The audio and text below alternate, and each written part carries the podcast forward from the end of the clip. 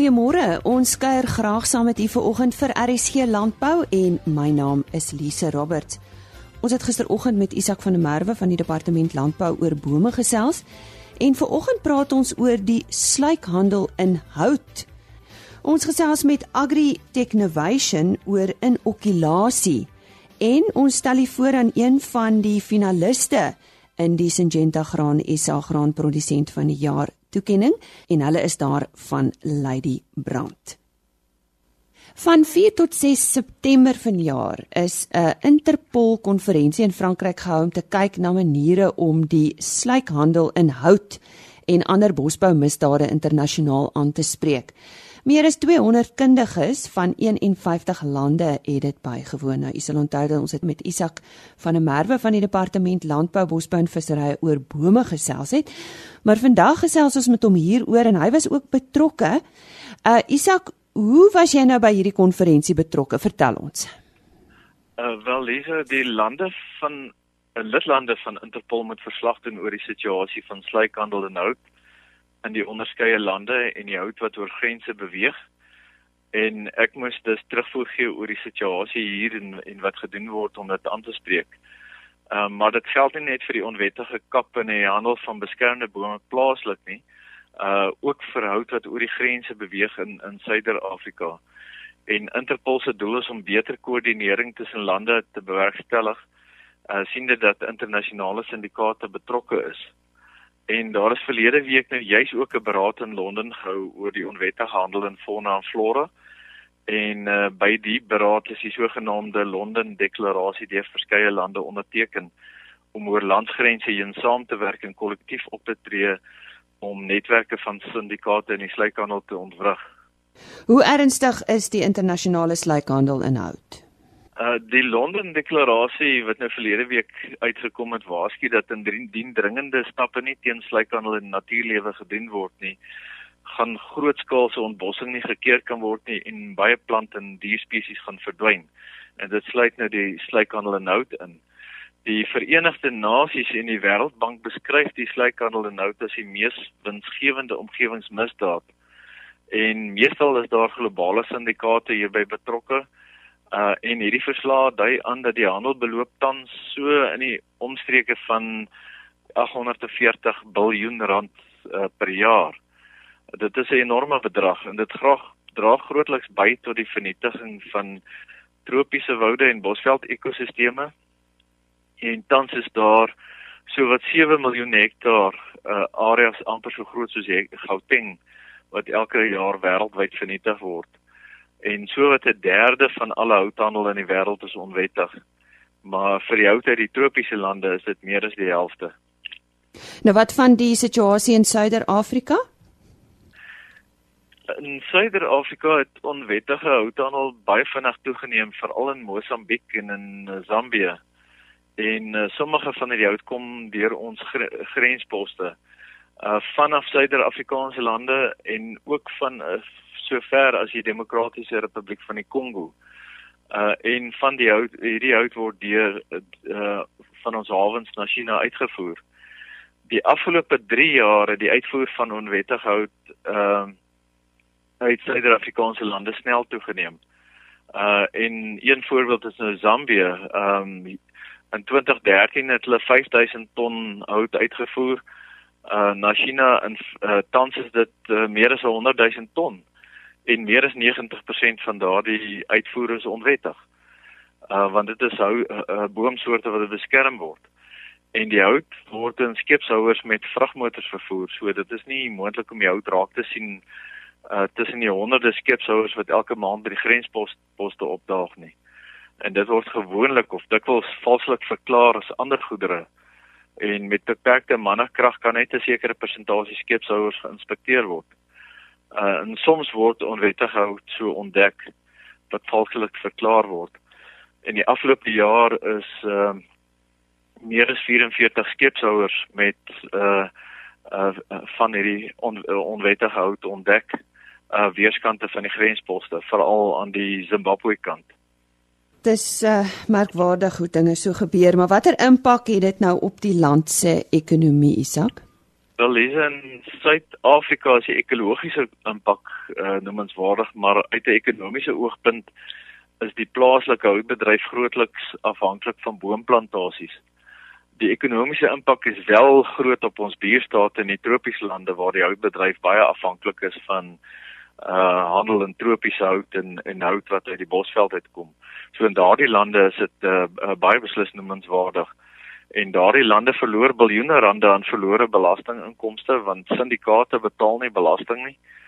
Uh duisende werkers word deur houthandel syndikaate uitgebuit want hulle betaal karige salarisse. Um amptenare en hoofmanne word omgekoop, mense word uit hulle natuurlike hulpbronne verkil. Ehm um, en daardie hulpbronne word teen 'n baie laer koste bekom deur hierdie syndikaate. Uh ons verloor wel miljoene rande wanneer goedere valslik verklaar word en oor die grens kom en andersins ook as die waarde van die goedere baie laer aangegee word as wat dit werd is. Isak, ek dink nou maar aan ons kosbare bome in Suid-Afrika. Hoe affekteer hierdie slykhandel probleem ons uh, boombevolking? Uh wel is dit uh, plaaslik word daar sekere boomspesies geteken. Uh soos die mingerhout. Uh boombevolkings van daardie spesies verdwyn dan uh, geleidelik in sekere uh gebiede. En hulle is sleutelspesies want daar waar hulle voorkom, uh speel hulle baie baie belangrike rol in die ekologie. Uh bome soos die mingerhout word baie maklik uh, meer as 500 jaar oud. En sulke bome kan nie in ons lewenstyd vervang word nie en waar hierdie bome voorkom speel hulle 'n belangrike rol as oeverbome langs strome en hulle onderhou 'n verskeidenheid van plant en dierelewe. En waar hierdie bome verdwyn, daar word die diversiteit en die vermoë van die ekosisteme uh baie verarm. In een insident in KwaZulu-Natal het ons uh verskeie mense uh, gehad wat tot tronkstraf gefonnis is omdat hulle dosyne groot geelhoutbome gevel het. En dit affekteer ook die skaarse Kaapse papegaai wat uiters afhanklik is van geelhoutbome vir oorlewing. Waar daardie geelhoutbome verdwyn, daar uh, verdwyn die Kaapse papegaai ook in in daardie spesifieke uh, gebiede. Soos reeds genoem, is die probleem baie groter in in ons buurstate en ander tropiese lande in die wêreld waar miljoene hektaar bosveld en in woude reeds vernietig is of geaf gedegradeer is. En wêreldwye reënwoudvernietiging is een van die grootste oorsake van uitsterwing van spesies. En dit dra by tot klimaatsverandering omdat die woude andersins sou bydra tot koolstofopname en suurstofvrystelling. Isak, maar wat is die rede vir hierdie toename in slykhandel? Uh tans groei 'n paar lande se ekonomie baie vinnig, uh veral China.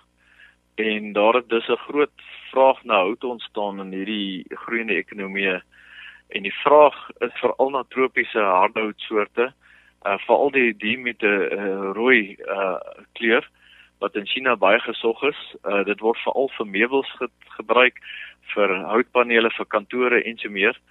En die aanvraag oorskry die aan, aanbod uh, uit wettige houthandel by verre. So die pryse pryse van hierdie houtsoorte is dis baie hoog. En die syndikaate ontstaan om hierdie gaping in die mark te vul.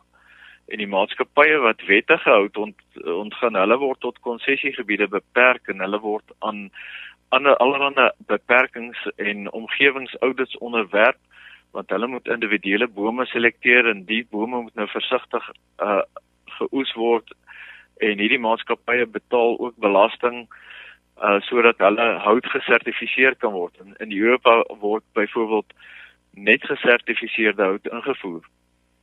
Maar dit is nie die geval in China nie. En syndikaate is ook nie aan sulke beperkings onderhewig nie. So hulle maak superwinste.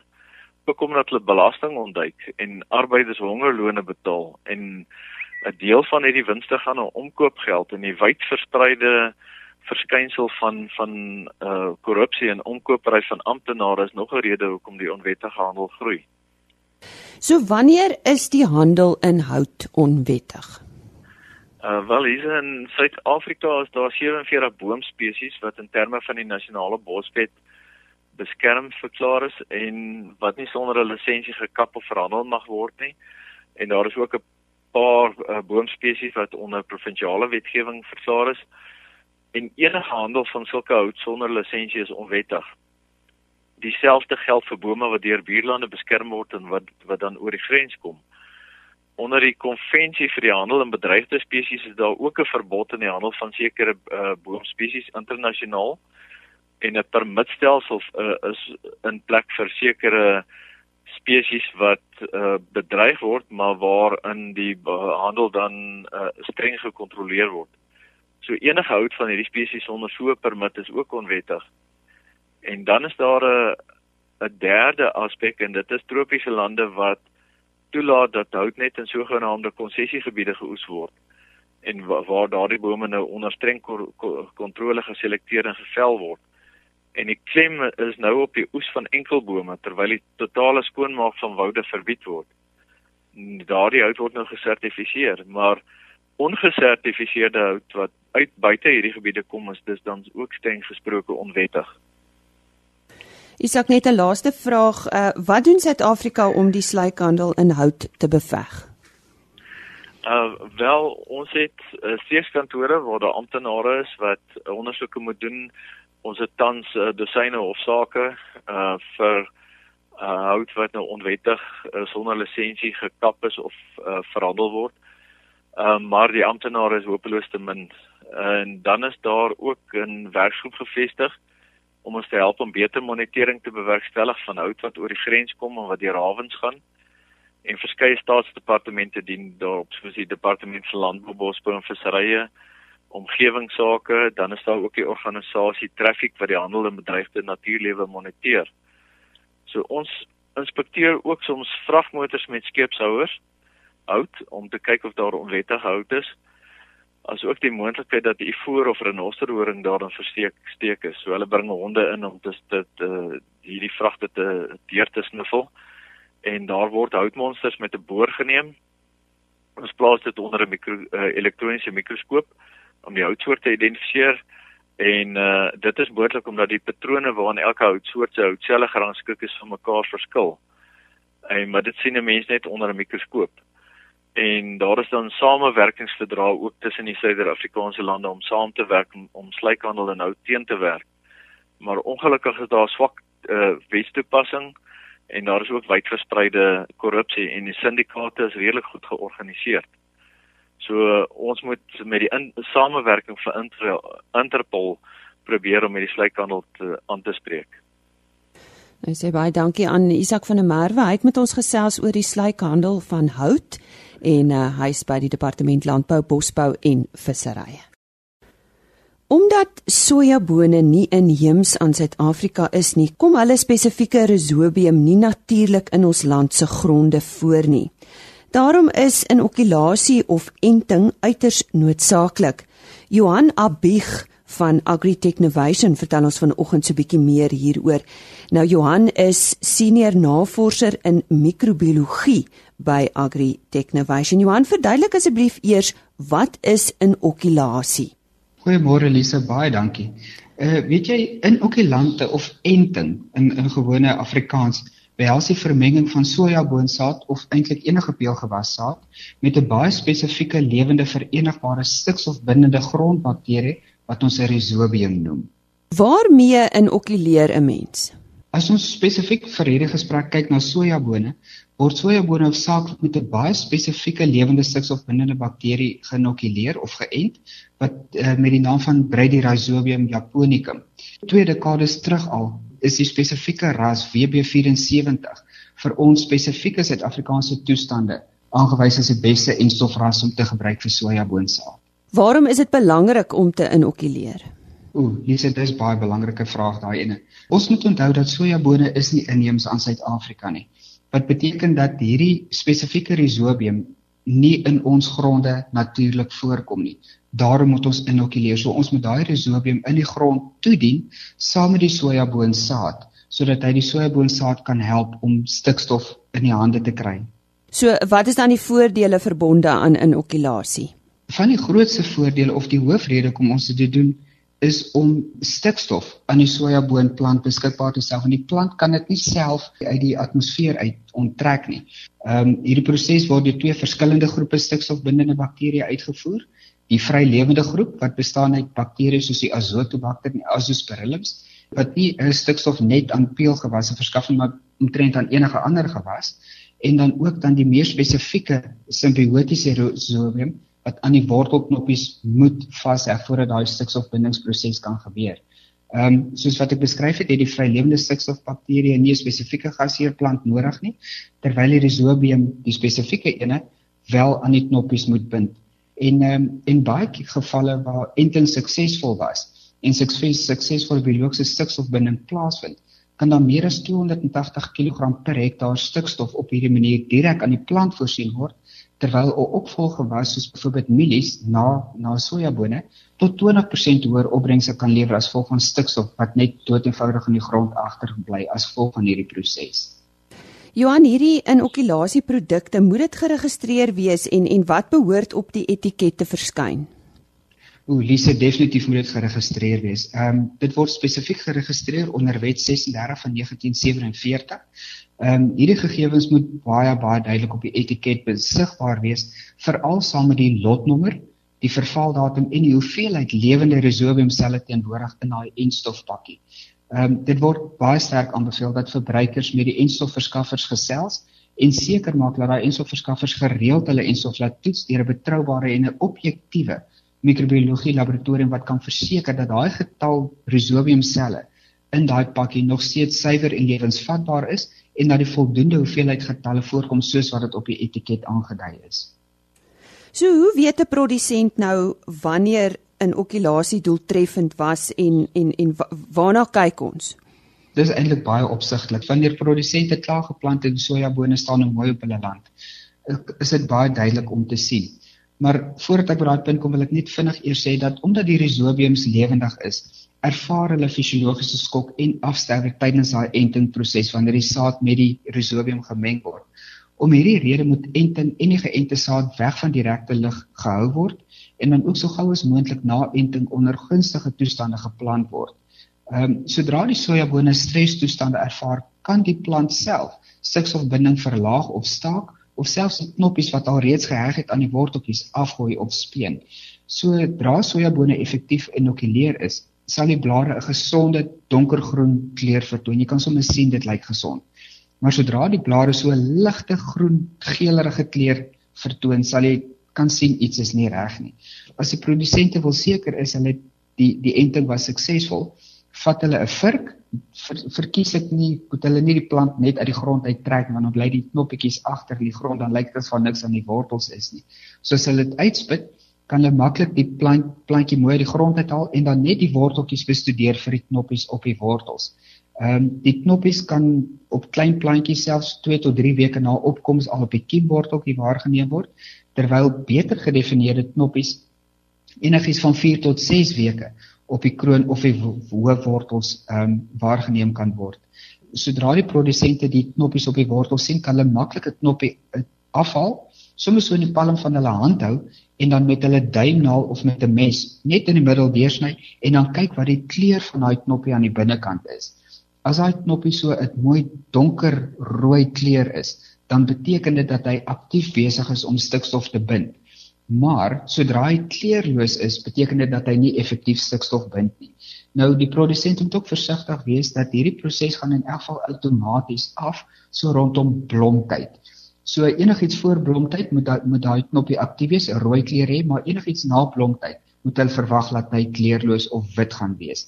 En dan net 'n baie belangrike wenk, as hulle die plant uit die grond uithaal, en hulle probeer die knoppie van die wortel afhaal. As die knoppie maklik afkom, dan is dit 'n gewone rhizobium. Maar as hy knoppie nie wil afkom nie, baie moeilik afkom, is die kans so goed dat dit dalk 'n knopwortel alworm kan wees.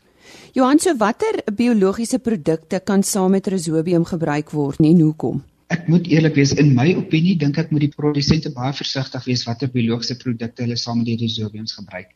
Want afhangende van die samestelling van die biologiese produk wat hulle toedien, kan dit gebeur dat van die organismes in die biologiese produk die geënte rhizobium uit die grond kan kompeteer tot nadeel van die plant. Dit beteken net doeteenvoudig dat van daai organismes kan vinniger groei as die rhizobium. Hulle gaan die rhizobiums basies net uit die wortel se pad uitdruk so die rhizobium kan nie sy werk doen nie. Ehm um, om hierdie rede is dit regtig belangrik om sojabone elke seisoen te ent.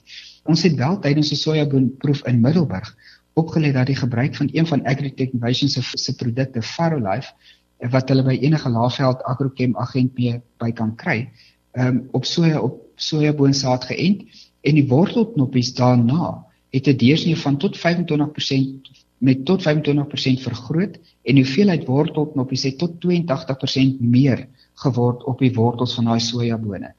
Ehm um, hierdie data word nog geanaliseer, maar ek moet sê dat die voorlopige resultate lyk baie belovend. So die boere moet maar versigtig wees watter produkte hulle saamgebruik.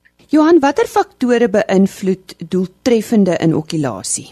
Wat wat die produsente in gedagte moet hou is dat dit die organismes, die rhizobium is lewendig. So die belangrikste faktor wat effektiewe inokulasie en stikstofbinding sal verseker is die gebruik van 'n verenigbare enstof met voldoende hoeveelheid rhizobiums daarin wat dan ook met die spesifieke peelgewas geassosieer kan word. Dit is belangrik om te onthou dat die enstof baie sensitief is vir omgewingstoestande soos grondvog, grond-pH, temperatuur, opgeloste soutte ensovoorts wat kan lei tot die vroeë afsterwe van die van die rhizobium en gevolglik onsuksesvolle stikstofbinding. Verbruikers moet baie baie versigtig wees wanneer hulle hierdie vermenging doen. Laat hulle dit nie doen in 'n houer wat voorheen chemiese kunsmis gehad het of enige onkruiddoders of ander skadelike chemikalieë ingehaat het nie. Ehm um, want die teenwoordigheid van enige minerale stikstof in die grond of chemiese kunsmis kan die biologiese stikstofbindingsproses uh, vertraag of verhoed. By implikasie natuurlik moet die gestoorde enstof ook weghou word van enige gifstowwe en direkte sonlig en dan ook onder ideale toestande um gestoor word verkieslik tussen nie laer as 4 grade Celsius nie, maar ook nie hoër as 27 grade Celsius in hulle stoor nie. In die wat die grondomgewing betref, moet die produsente ook net mooi seker maak dat hulle 'n fosfaat inhoud van hoër as 17 dele per miljoen het as ook mikroveelhede molibdeen en 'n grond-pH van so ongeveer 5.5 tot 7.5. En dan natuurlik ook baie belangrik die die enstof moenie alreeds verval het nie. So hulle baie fyn oplet op die vervaldatum. Johanna, laaste vraag, hoe, hoe sal 'n boer nou weet wat die stand van die grondgesondheid op sy plaas is? Hierse daai is 'n algemene benadering en dit is waar die die Microlife Research Center wat Agritech Innovation so begin van die jaar uh oopgemaak het hulle privaat laboratorium um in Wellington in die Suid-Kaap is waar ons hierdie ontledings kan doen. Um soos ek gesê het om die hierdie grondgesondheidsontledings doen ons nou op kommersiële skaal aan produsente en navorsers en akademiese instansies.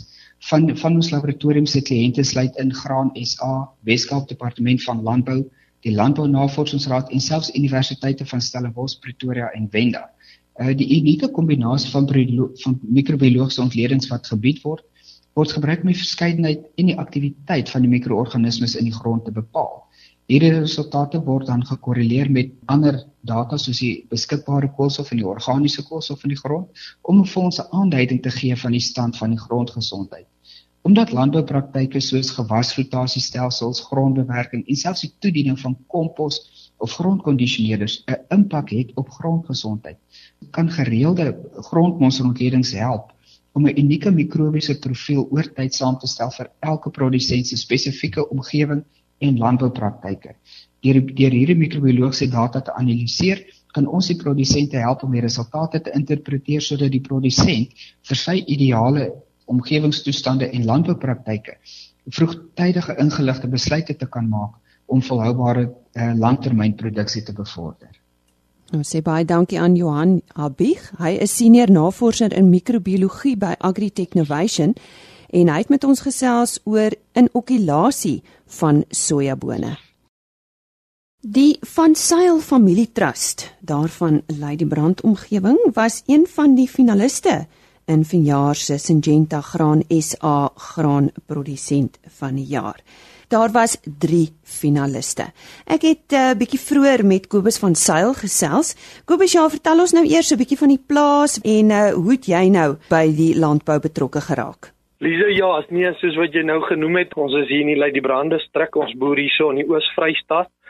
Ja, ons is 'n familieboerdery waar ek en my pa ehm um, betrokke is en my broer. Hulle is al twee tius. Ja, die vrouens doen maar hulle dingetjie, maar soos wat jy weet, hulle help baie dra vir ons kos aan en bederf ons en al daai dinge. En waarvoor spesifiek is jy nou verantwoordelik? Lisa, ek is met die saaiery betrokke. My pa is ehm um, hy het 'n boeraan stoet en my broer het uh, het doen die Sussex stoet en dan elkeen nog 'n paar groepe kommersiële diere wat hulle doen, maar ek is van van uiteraard is ek by die saaiery betrokke. En waaruit bestaan hierdie saaiery Kobus? Man ons um, um, plant sojas en mielies en sonneblom waarvan um, die die mielies en die en die sonneblom maar die die die grootste vertakkings is wat wat ons doen. Ja, en dan saai ons nou maar bietjie haver en sulke goed ook vir die vee en so. Nou uh die hele praktyke wat jy toepas, kom ons begin bietjie by minimum bewerking. Glo jy daarin? Dis ja, kom ek sê vir jou, ons um, het eers met met met striptil begin seker al so 7 jaar terug en toe het ons oorgegaan of ons het getraai om heeltemal minimum bewerking te doen, jy weet. Maar ehm um, eers dit het ook maar sy challenges, jy weet ons grond se humus en goed was nog nie daar wil laat 'n ou wat ek kan sê ou kon heeltemal nou til toe gegaan het nie ons um, ons ons het maar party plekke bietjie vasgebrand en veral met die met die onkruidbeheer ons is bietjie in 'n in 'n droër deel so die chemikalieë soek maar soek maar 'n bietjie vog en partykeer dan raak dit droog hier by ons en dan sukkel ons om om van die onkruide dood te spuit. So ja, dit was dit het sy challenges gehad, maar um, ons is nog steeds half op 'n ek sal nou sê op 'n meer 'n minimum bewerking waar ons um, ons rip net ons vir vir vir ons mielies, jy weet met sy bywortel. Maar um, ons sonneblom en sojas doen ons nog half op 'n op 'n nou-til stelsel waar ons net spuit en plant. En julle wisselboustelsel? Ja, ons wissel, ons wissel nou met met mielies. Ons plant gewoonlik sojas en dan op baie lande kry hy mielies en dan die volgende jaar dan kry hy sonneblom. So ons is so in 'n in 'n 3 jaar roteerstelsel waar ons hulle so roteer.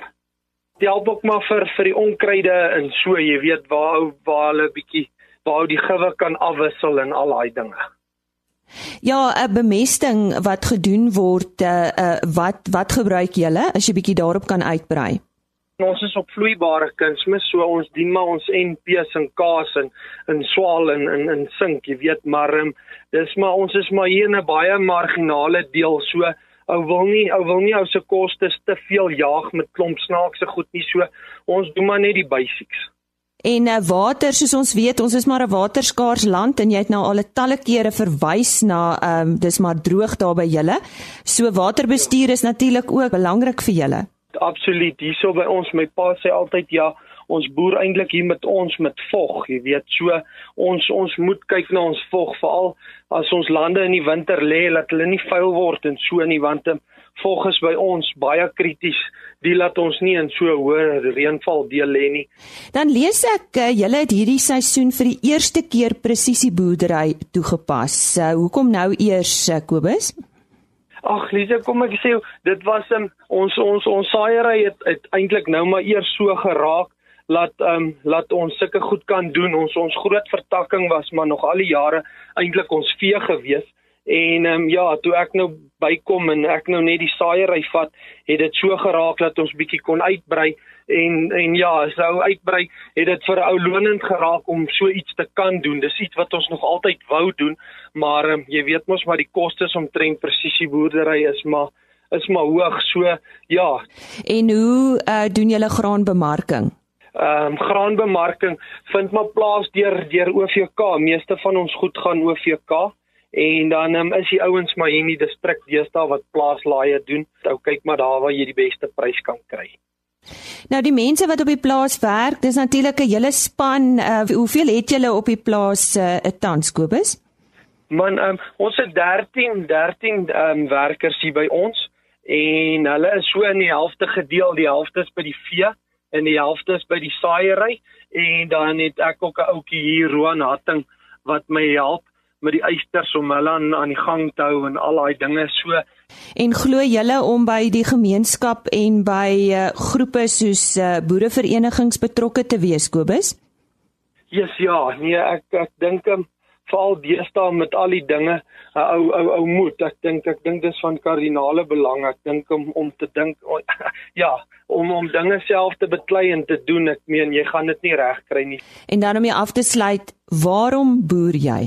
Joe, dis vir my lekker. Ek um, ek is een van daai ouetjies eers op skool. Skool was vir my 'n groot straf gewees. Kyk, ek wou net op die plaas wees. Ek eh, weet nou nog nie hoe my ma en pa dit reg gekry om my op skool te hou nie. Nou ja, wenners in eie reg en ek het daar gesels met Kobus van Sail van van Sail Familietrust van Lady Brand en soos ek vroeër genoem het, hulle was een van drie finaliste in vanjaar se Syngenta Graan SA graanprodusent van die jaar kompetisie. Mag dit met u goed gaan dan tot môreoggend. Totsiens.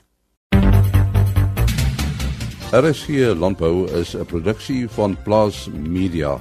Produksieregisseur Henny Maas Aanbieding Lisa Roberts. en inhoudskoördineerder Jolandi Root.